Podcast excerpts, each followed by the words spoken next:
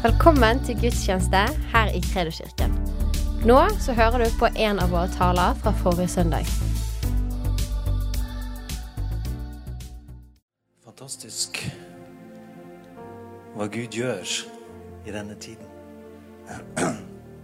Vi mottar rapporter om mange mennesker som kommer til tro på Jesus rundt omkring i verden. Og det er også Gud kaller på enkeltpersoner rundt omkring i Norge. Det er en helt spesiell tid. La oss gripe øyeblikket.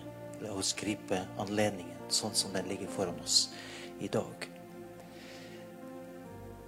Tusen takk, Kenneth. Og jeg kjenner Når jeg skal dele Guds ord, så rører det seg på innsiden. Jeg tror at Gud skal møte deg, du som sitter der hjemme på skjermen bak mobilen. Bare åpne hjertet ditt. Ta imot ifra Gud.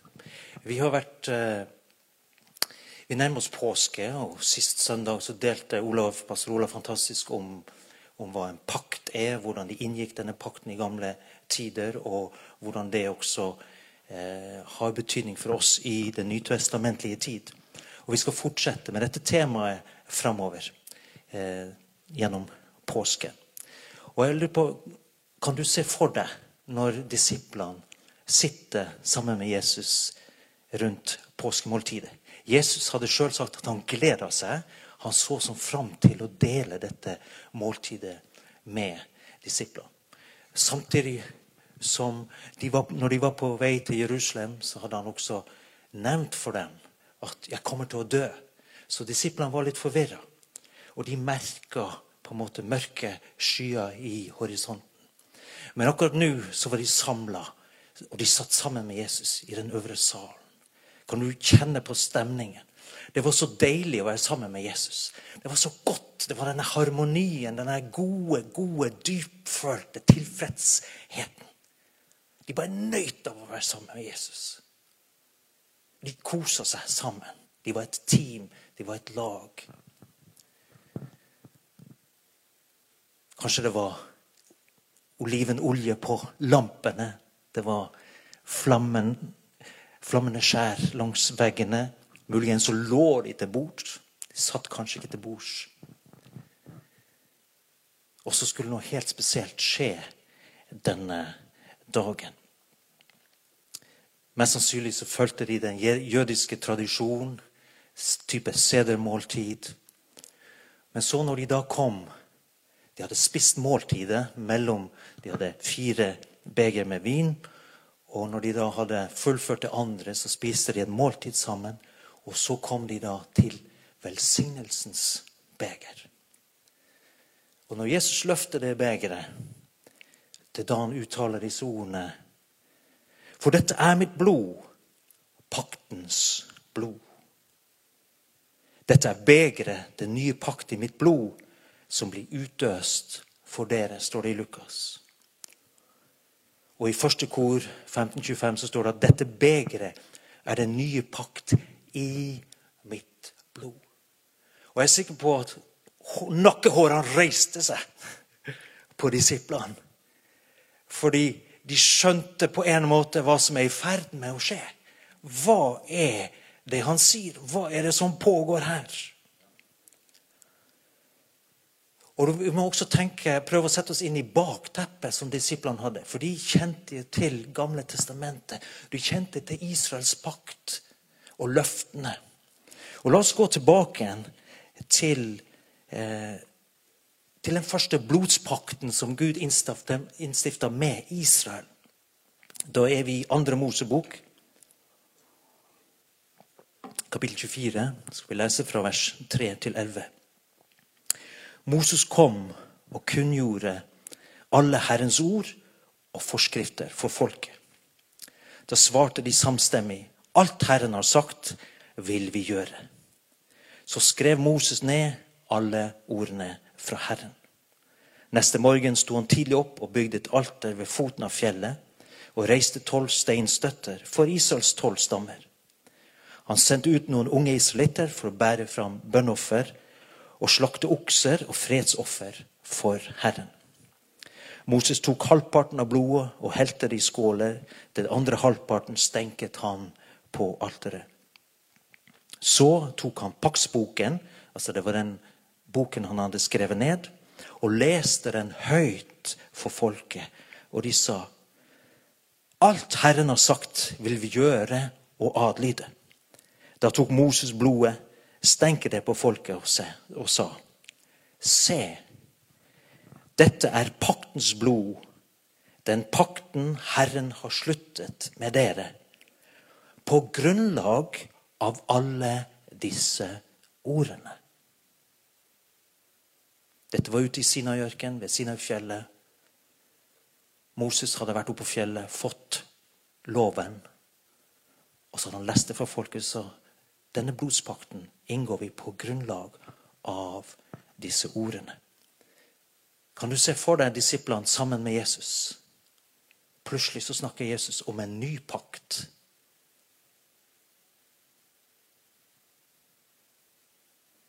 Men de var kanskje litt forvirra. Hvis en pakt skulle inngå, det må jo være et blodoffer. Det må jo være et nytt blodoffer.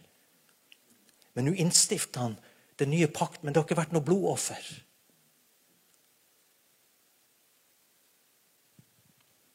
Men vi vet at det offeret skulle komme. Vi har lest hva som skjedde etterpå. Men tenk deg, hvordan var det for dem?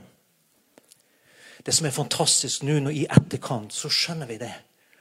At når Jesus innstifta denne nye pakten, så var det ikke Moseloven den var basert på. Men det var et nytt ord som lå til grunn for den nye pakten. Og det ordet var ikke bare lovtekst, men det var en person. Guds ord, Jesus Kristus. Jesus Kristus, Guds ord, var fundamentet for den nye pakten. Hvis vi går tilbake igjen til den gammeltestamentlige teksten, så står det at Moses og Aron, Nadab og Abihu og 70 av Israels eldste gikk opp på fjellet. Og så hør her, så står det og fikk se Israels Gud. Under føttene hans var det som et gulv av safir, klart som himmelen sjøl. Men mot Israels fremste menn løftet han ikke sin hånd. De skuet Gud, og de spiste og drakk, står det. Nå satt disiplene rundt bordet. De spiste, og de drakk. Og de så Gud i kjød, Jesus Kristus. De skjønte det ikke, men de så han, og de spiste, og de drakk. De husker også løftene i Det gamle testamentet. Jeremias hadde lovt. Se, dager skal komme, sier Herren. Det står i Jeremias 31 fra vers 31. Da jeg slutter en ny pakt med Israels hus og Judas hus. Ikke som den pakten jeg sluttet med fedrene deres den dagen jeg tok dem i hånd og førte dem ut av Egypt. Den pakten brøt de, enda jeg var deres herre, sier Herren. Men dette er pakten jeg vil slutte med Israels hus i dager som kommer, sier Herren. Jeg legger min lov i deres sinn og skriver den i deres hjerter. Jeg skal være deres Gud, og de skal være mitt folk. Da skal ingen lenger undervise sin neste og sin bror og si 'Kjenn Herren'. For de skal alle kjenne meg. Både små og store, sier Herren. For jeg vil tilgi skylden deres og ikke lenger huske synden. Og nå, de hadde venta i århundrer på denne nye pakten som skulle komme. Plutselig sitter de der, og Jesus uttaler disse ordene. Og det er hva som ligger i denne nye pakten. Det tar en evighet å utforske og lære å ta del i. Men jeg har tenkt å nevne et par ting som er så betydningsfullt for meg og deg i dag. Det er det at når du blir en del av den nye pakt, så får du en ny identitet. Du blir borger av et nytt rike. Kolossebrevet kapittel 1, vers 13 og 14 står det For Han har fridd oss ut av mørkets makt og ført oss over i sin elskede Sønns rike. I ham er vi kjøpt fri og har fått tilgivelse for syndene. Hørte du det? Det var snakk om et rike her. Min, sin elskede sønns rike. Og eh, mange av oss, inkludert meg, har privilegiet å være norske statsborgere. Og jeg regner med at du har et pass hvis du er norsk statsborger, som dokumenterer at du tilhører dette riket. Men du vet den, denne, Dette lille passet her med bilde og informasjon, det har i seg sjøl ingen verdi. Grunnen til at jeg har visse rettigheter som norsk borger, det er det at dette passet, min identitet, er registrert hos norske myndigheter i et arkiv. Og det er lovbestemt at hvis jeg står i det arkivet, i den databasen, så har jeg rettigheter. Jeg har lov til å bo her. Jeg har lov til helsestell. Jeg har lov til skolegang. Jeg har rett til trygd om jeg trenger det, osv. og Så er det også visse forpliktelser. Jeg må følge norsk lov, bidra med skatt osv.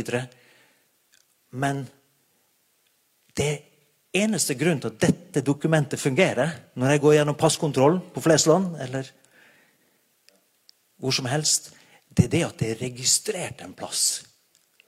Den myndighet som står bak det. Og du vet at Det er jo derfor når, når, vi snakker om menneskehandel og folk som er papirløse Det er jo det som er så fryktelig, fordi at man er altså sånn offisielt uten identitet. Og da er man fritt vilt. For det er ingen som vil stille opp for deg. Det er ingen som vil beskytte deg. Det er ingen lov, det er ingen tilhørighet som vil beskytte deg. Og de blir offer for kriminelle, for de har tatt papirene. Eller kanskje de ikke har papirer. Dermed så gjør de som de vil med det. Men jeg har flere pass. Jeg har et, enda et pass. Det er også et norsk pass. Her. Eh, bilde av meg, men det har et annet nummer. Men jeg kommer gjennom på flest land med dette også fordi at det er registrert hos myndighetene. Men det er samme ID. Har jeg enda et pass?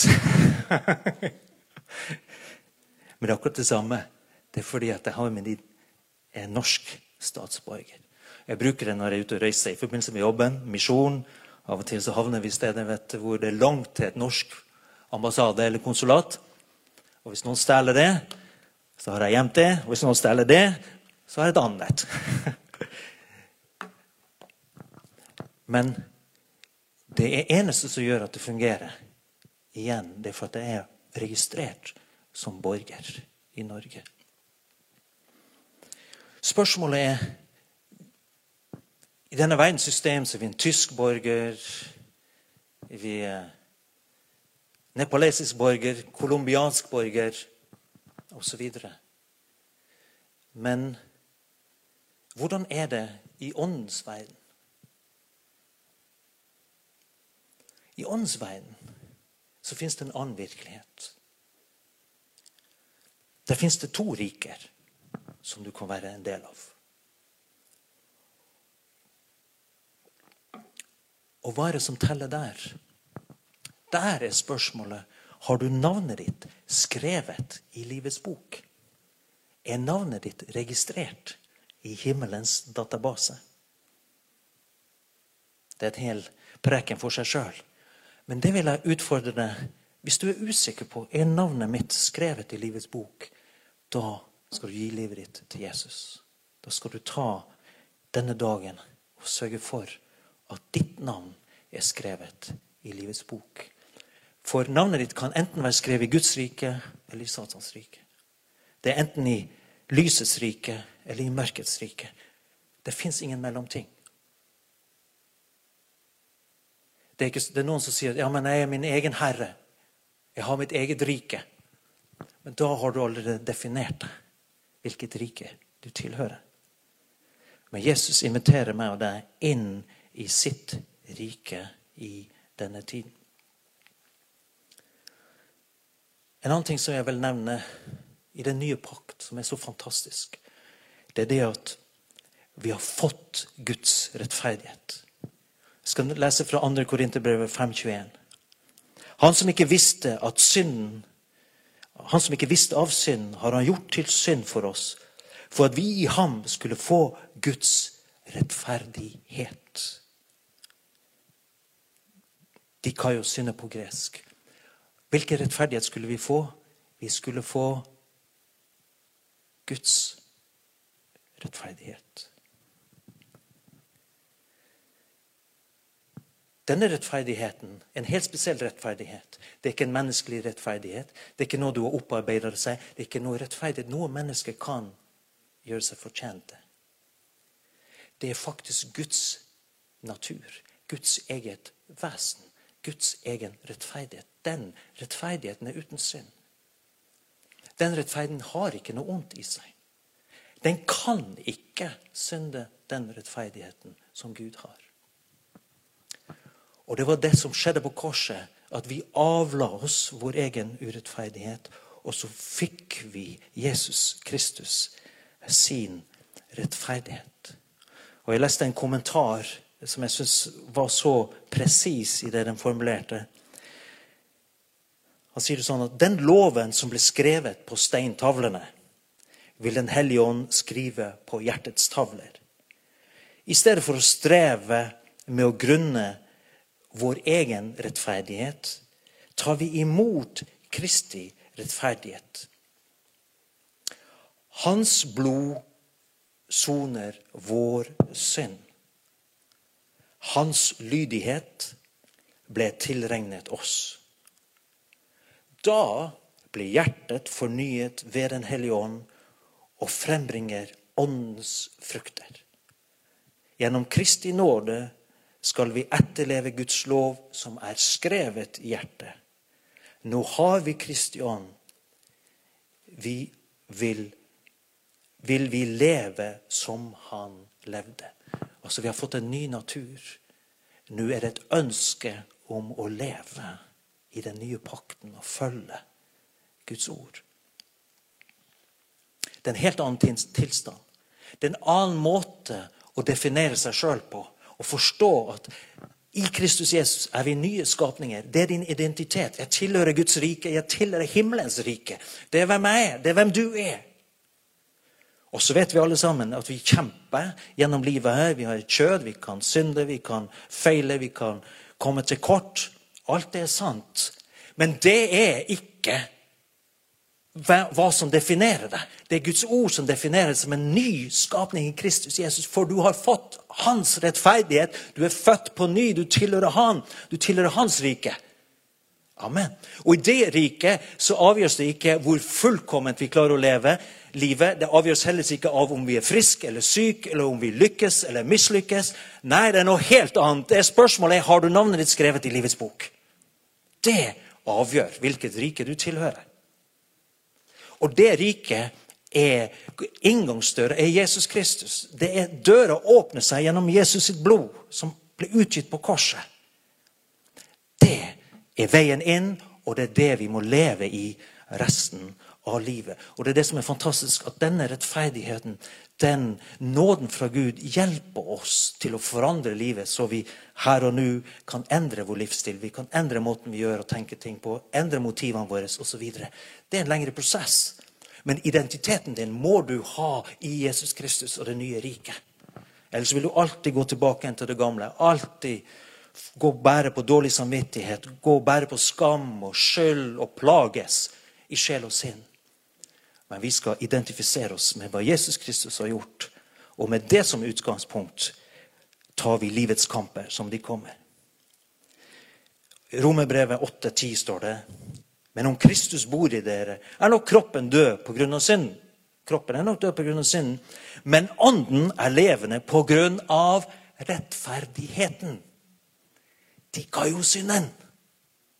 Og hvilken rettferdighet var det? Det var Guds rettferdighet. Derfor, halleluja, er vi levende.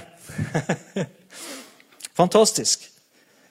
Romerbrevet 6,11. På samme måte skal dere regne, dere som døde for synd, men som levende for Gud i Kristus Jesus. Halleluja. Hva skal du vektlegge? La oss vektlegge pakten som Jesus har inngått med oss. La oss være fokusert på alt det gode som han har tilveiebrakt for oss. For det er det som gir oss nåde og styrke og kraft til å overvinne.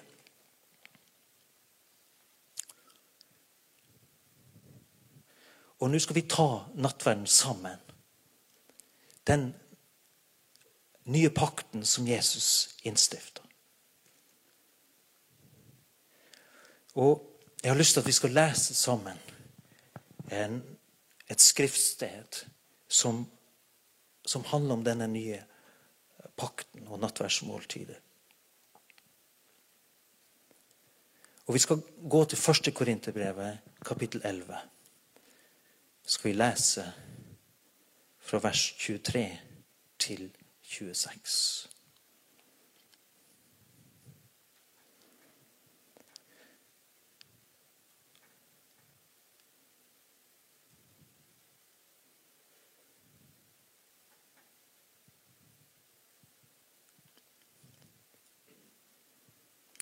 Så står det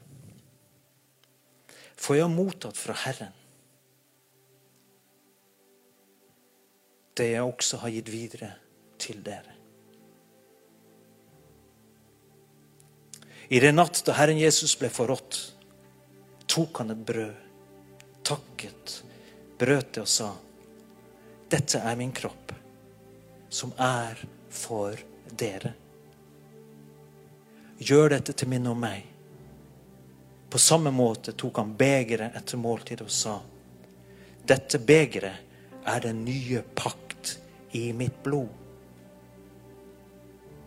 Hver gang dere drikker av det, gjør det til minne om meg.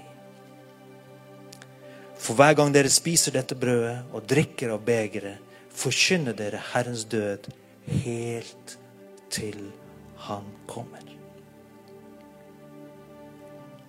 Matteus 26, 29 står det Jeg sier dere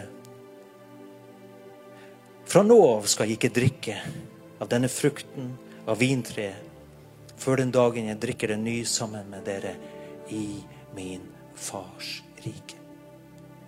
Og det er dette som er så fantastisk med nattverdsmåltidet. Den, oss, den påminner oss om den nye pakten. Den påminner oss om realitetene. Hvem er og du er. Hvem vi tilhører. Det er det som er spørsmålet. Hvem tilhører du? Hvem tilhører jeg? Og denne Jesus som løfta velsignelsens beger og sa dette er den nye pakt i mitt blod. Det var også et, et fjerde beger. Håpets beger. Og jeg skal si deg det at Jesus kommer igjen. Like sikkert som at Jesus kom og oppfylte profetiene om at Messias skulle komme og lide og dø for våre synder. Og så skulle han stå opp igjen. Like sikkert som at det har blitt oppfylt i historien, så kommer Jesus igjen. Det fins så mange løfter i Bibelen om det. Og vi kjenner det. Vi kjenner Den hellige ånd bekrefte det i vårt indre. Jesus kommer igjen. Vi vet ikke hvor lenge. Men vi skal ta nattverden og minnes hans død, men også hans komme. Så lenge som vi venter. Og ta imot alt det den nye pakten har å gi deg i dette nattverdsmåltidet. Det er så stort, det er så omfattende. Men la oss fokusere i dag på den rettferdigheten som du har fått hos Gud. Den som er basert på Jesu Kristi sitt blod. Den som er Guds rettferdighet. Skal hente nattverden her borte?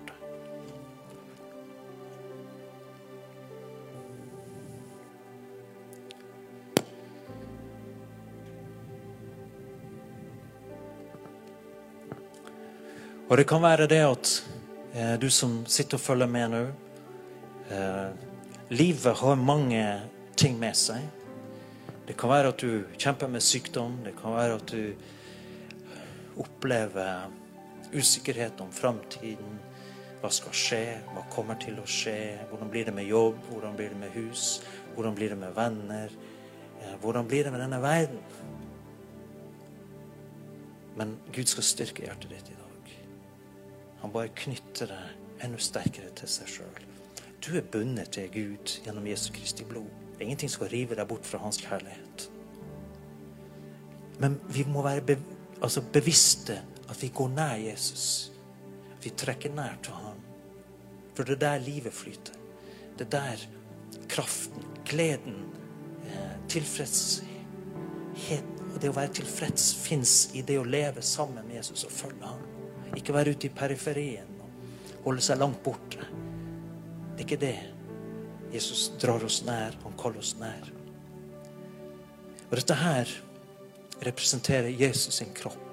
Den som ble knust, den som ble slått, den som ble piska for meg og deg. For at vi skulle få liv, for at vi skulle få kraft, for at vi skulle få evig liv. Og ikke minst at vi skulle få helbredelse til kroppene våre. Skal vi ta det sammen i Jesu Kristi navn?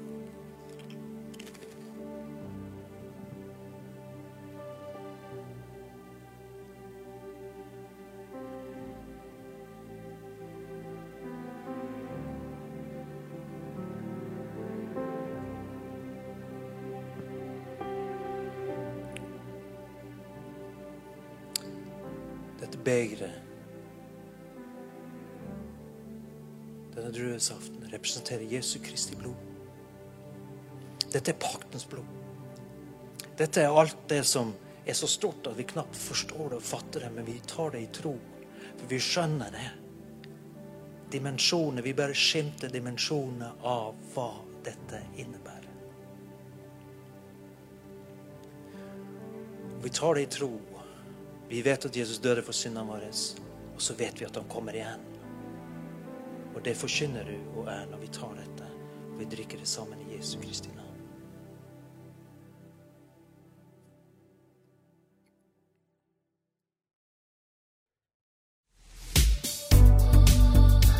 Tusen takk for at du lyttet. Følg oss gjerne på Instagram og Facebook, og så snakkes vi neste uke.